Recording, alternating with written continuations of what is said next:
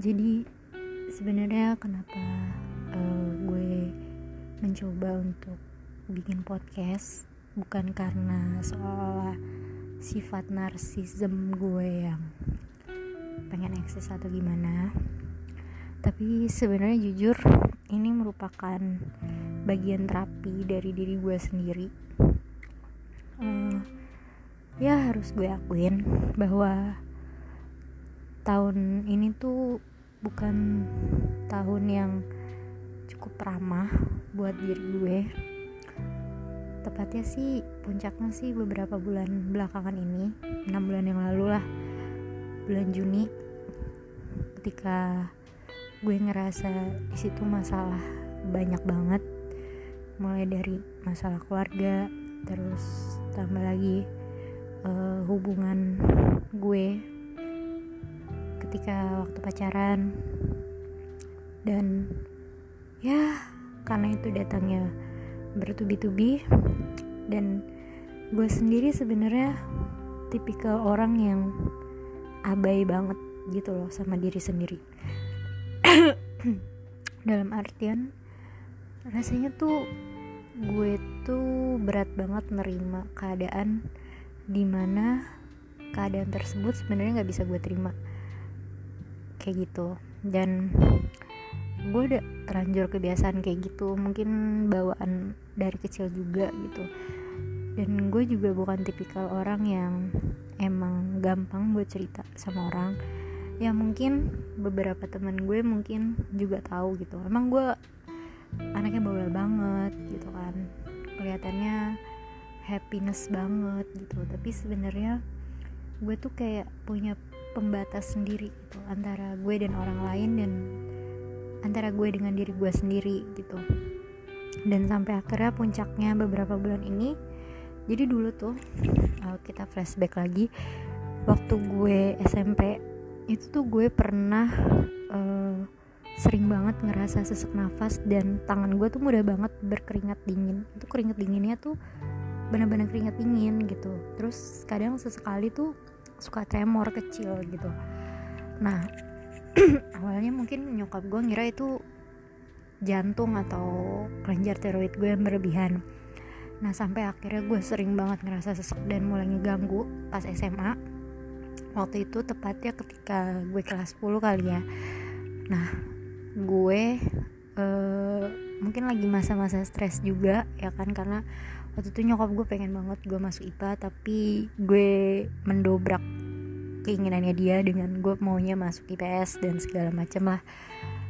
Dan itu juga masa-masa di mana bisa dibilang puber kali ya di mana kita tuh ada pertentangan emosional dengan sekitar kita gitu.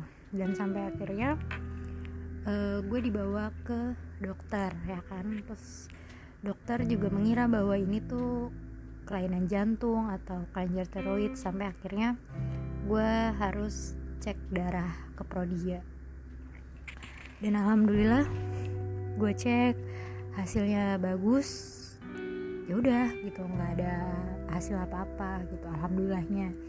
Sampai akhirnya dokter bilang bahwa kayaknya gejala ini bukan karena anak ibu kena sakit fisik gitu. Dan itu waktu itu posisinya ada bokap dan nyokap gue gitu. Dan dokter bilang mungkin ini anak ibu banyak terlalu banyak pikiran terlalu banyak tertekan dan memendam gitu kan. Nah gue seneng banget ada orang lain yang bisa menyampaikan itu ke bokap nyokap gue. Karena dulu bisa dibilang karena gue anak pertama bokap nyokap gue tuh mendidik gue sangat mandiri banget gitu.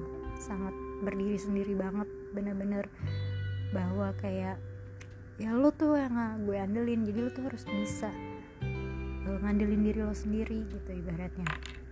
Dan sampai akhirnya gue kayak di hipnoterapi gitulah gitu. Dan gue merasa sih semenjak di hipnoterapi itu gue jadi kayak lebih nggak tahu ya tapi gue juga nggak inget sih sugesti apa yang dokter itu berikan ke gue. Tapi gue ngerasa gue lebih sedikit bisa untuk percaya dengan orang lain. Gue gue punya beberapa temen pas SMA gitu walaupun memang bukan temen yang deket-deket banget gitu. Terus uh, pokoknya gue merasa bahwa gue punya empati. Ya uh, itu sih yang orang-orang bilang ketika mereka ngerasa nyaman cerita sama gue. Gue selalu memposisikan diri gue untuk merasakan apa yang mereka mereka rasakan gitu. Sampai mungkin karena keseringan seperti itu jadinya gue tuh jadi agak susah berempati ke diri gue sendiri gitu. Karena gue terlalu cosplay banget kali ya. Memerankan peran gue sebagai pendengar gitu. Sampai gue lupa ngedengerin diri gue sendiri kayak gitu. Nah kuliah juga banyak tekanan segala macem. Tapi itu tuh uh, masih bisa lah gue handle gitu. Walaupun memang gejala itu tuh nggak hilang tapi memang nggak intens gitu. Gue masih sering ketika gue uh, banyak pikiran segala macem atau dalam merasa tertekan dan tidak nyaman itu gejala seperti sesak nafas terus tangan gue keringet dingin parah itu masih sering terjadi gitu. Cuman memang intensitasnya tuh nggak seharian dan kadang jarang-jarang. Jadi terjadi cuma dalam beberapa menit aja gitu. Nggak sampai berjam-jam lah gitu. Atau ketika gue mulai ngerasa nyaman dengan kondisi itu gue mulai tidur dan udah everything's gonna be fine again gitu kan. Nah sampai puncaknya gue lagi sering nih merasakan itu beberapa bulan ini. Kayak gejalanya tuh awalnya ya tadi gitu muncul.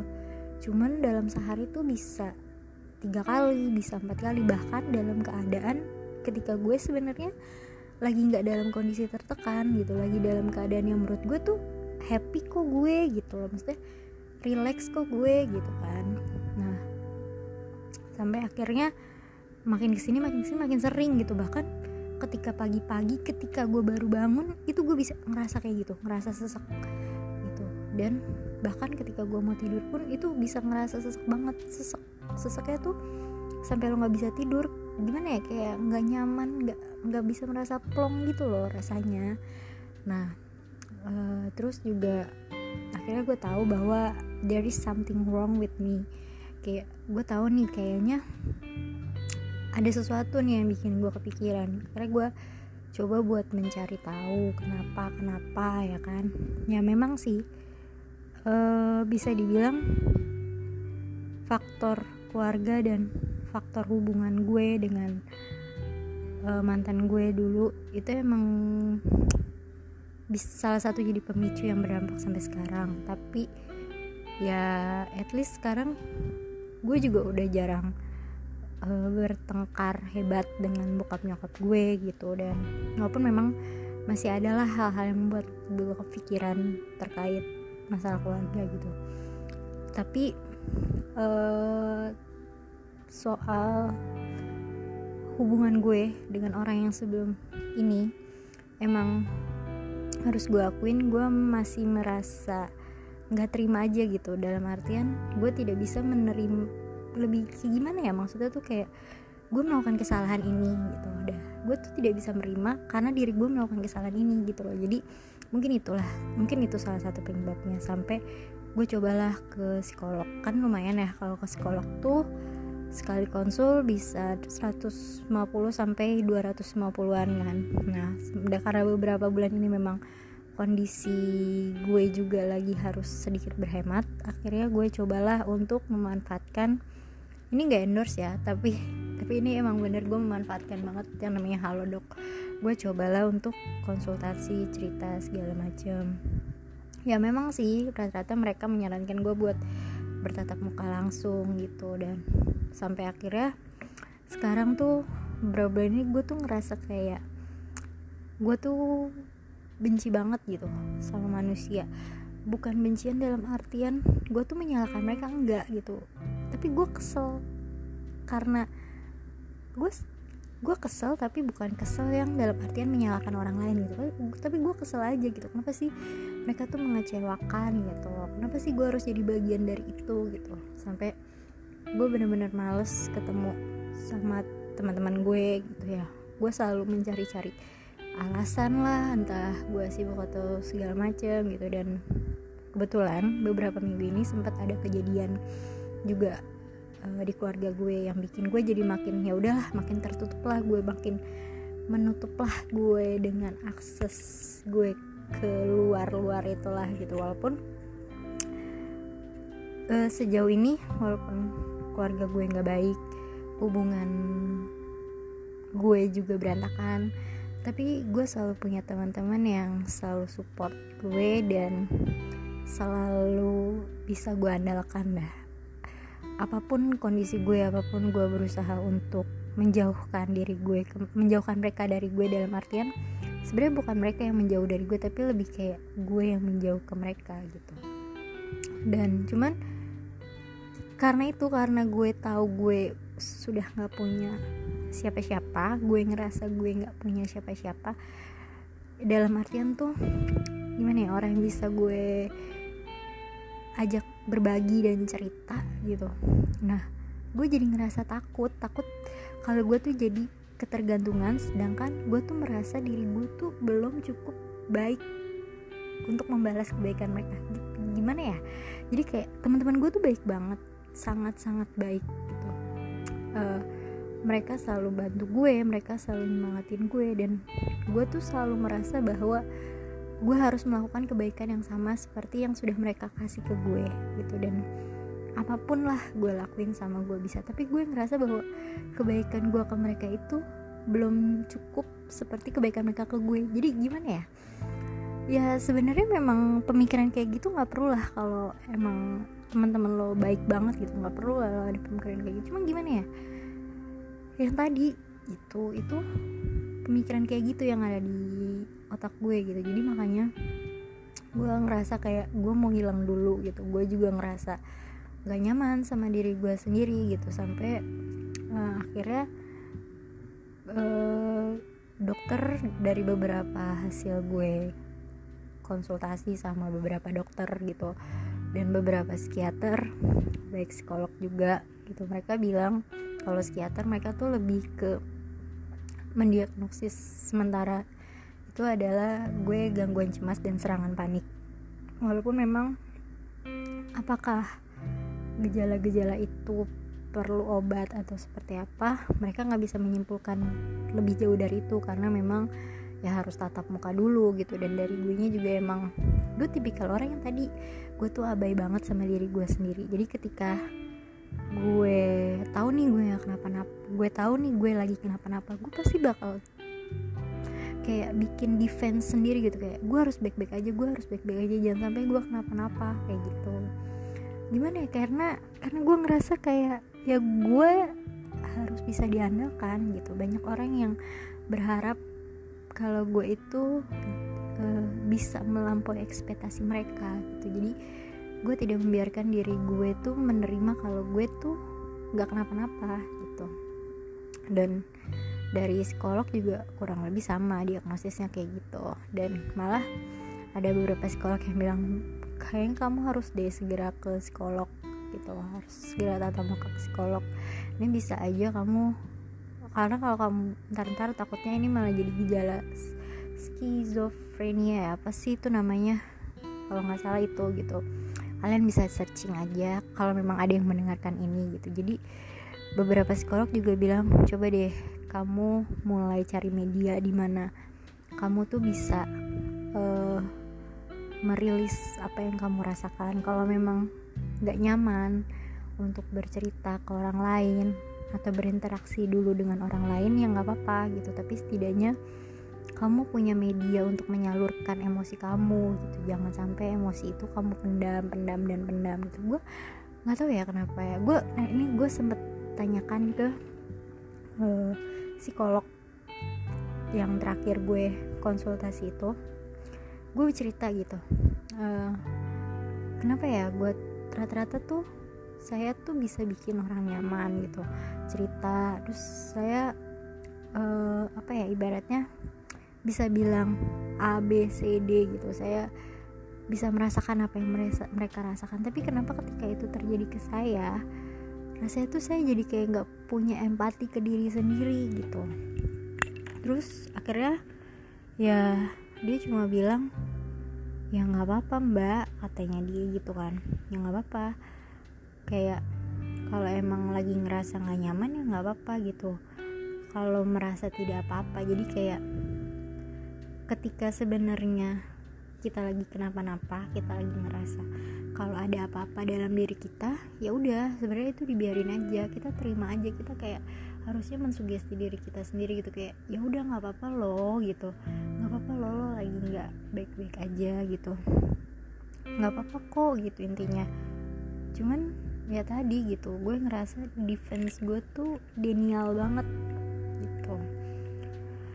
Jadi akhirnya uh, dia lebih sering kebanyakan sih mereka lebih menyarankan gue untuk self talk gitu. Jadi ngasih sugesti ke diri sendiri yang ya udah kayak membiarkan ya membiarkan diri lo kalau emang lagi dalam kondisi tidak baik gitu. Kayak gitu sih sebenarnya. Jadi ya gimana ya buat orang yang sebenarnya agak defense-nya terlalu tinggi seperti gue gitu itu justru sebenarnya nggak baik gitu. Jadi gue tuh terlalu sering merasa bahwa ya gue tuh harus baik-baik aja gue tuh harus oke-oke aja. Pokoknya kayak semua banyak hal itu selalu ada kata harus dalam kamus gue. Walaupun kadang gue juga suka bilang ke orang ya lo nggak apa-apa kalau lo nggak baik kayak. Tapi gue tidak bisa menerapkan itu ke diri gue sendiri sehingga berdampaklah seperti ini gitu. Gue jadi uh, menyiksa fisik gue sendiri dalam artian tadi kan. Bahkan gue pernah ada di posisi di mana dada gue tuh sesek banget dan gue pengen merilis rasa sakitnya. Akhirnya gue mukul dia tuh tembok rumah gue tembok kamar gue ya. Ya lumayan ya agak memar kan tangan saya gitu kan.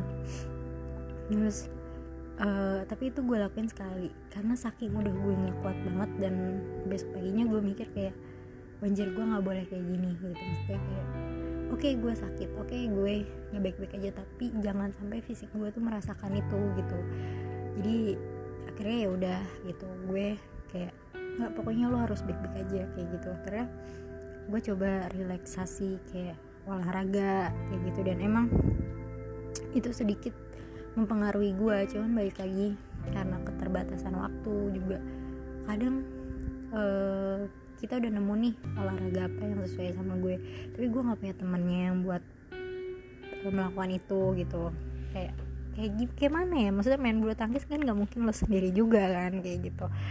Jadi hal-hal yang kayak gitu sih mungkin gue tuh terlalu banyak mengkhawatirkan suatu hal gitu. Jadi sebenarnya ya nggak apa-apa gitu. Dan rencananya memang bulan depan ini gue bakal coba untuk tatap muka langsung gitu.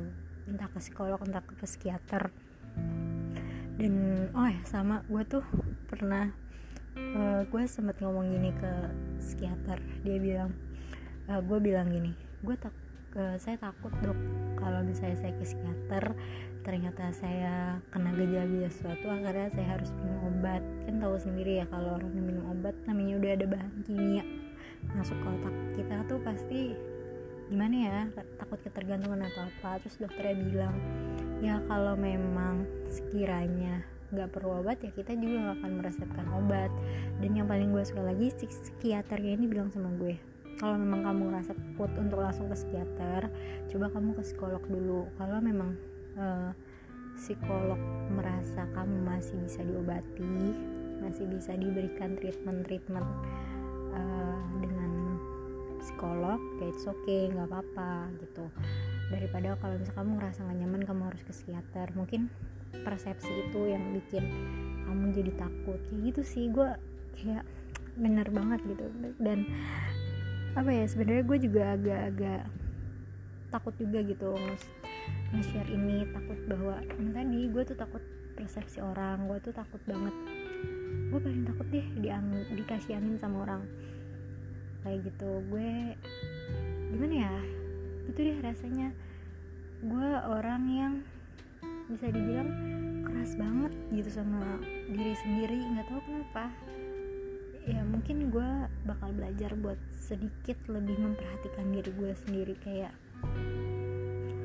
terlalu sering kali ya membuat bahagia orang lain sampai membuat bahagia diri gue sendiri juga kayak berat banget gitu kan.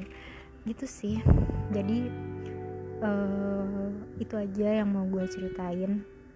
Apa yang selama ini terjadi sama gue bahwa belakangan ini sebenarnya gue emang lagi nggak baik-baik aja gitu. Jadi kalaupun misalnya kalian mau cerita sama gue dan uh, gue uh, tidak mendakapinya atau misalnya kalian ngechat gue atau gue nggak bales gitu. Bukan karena gue marah atau apa tapi gue merasa bahwa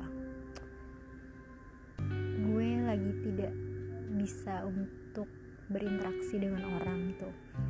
Tapi untungnya alhamdulillahnya walaupun gue ada masalah ini gue masih bisa konsentrasi kerja alhamdulillahnya itu gitu. Gue selalu sebisa mungkin buat memisahkan antara kerjaan dengan diri gue sendiri gitu. Walaupun setelah gue saya kerja lagi ya oh my god gue bertempur lagi berperang lagi dengan pikiran gue sendiri dan itu sangat sangat melelahkan banget.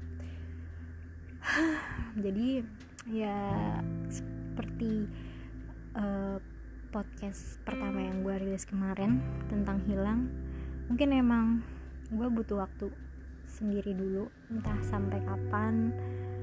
Gue mau menghilang dulu sampai gue ngerasa nyaman sama diri gue sendiri sampai gue benar-benar ngerasa pantas dengan diri gue sendiri. Kayak gitu jadi itu aja sih. Uh, kalau seandainya ada yang mendengarkan ini pun gue cuma minta satu sih. Kalian nggak perlu khawatir sama gue. Ya kalian tahu gue nggak akan ngelakuin hal bodoh kayak walaupun mungkin pernah kalian mendengarkan cerita gue gue mau bunuh diri atau apa tapi gue akan pastikan kalau gue tidak akan melakukan hal itu. Mungkin emang saat ini gue lagi ngerasa terpuruk sekali gitu benar-benar ngedown gak punya energi positif sama sekali gitu buat diri gue sendiri. Tapi gue pastikan bahwa nalar gue sebagian masih berjalan. Kayak gitu. Oke deh podcast 22 menit ini gue juga nggak berharap uh, bisa didengarkan. Karena ini lebih kayak gue cuma pengen dengerin aja uh, diri gue sendiri ngomong untuk diri gue sendiri. Tuh oke deh. Bye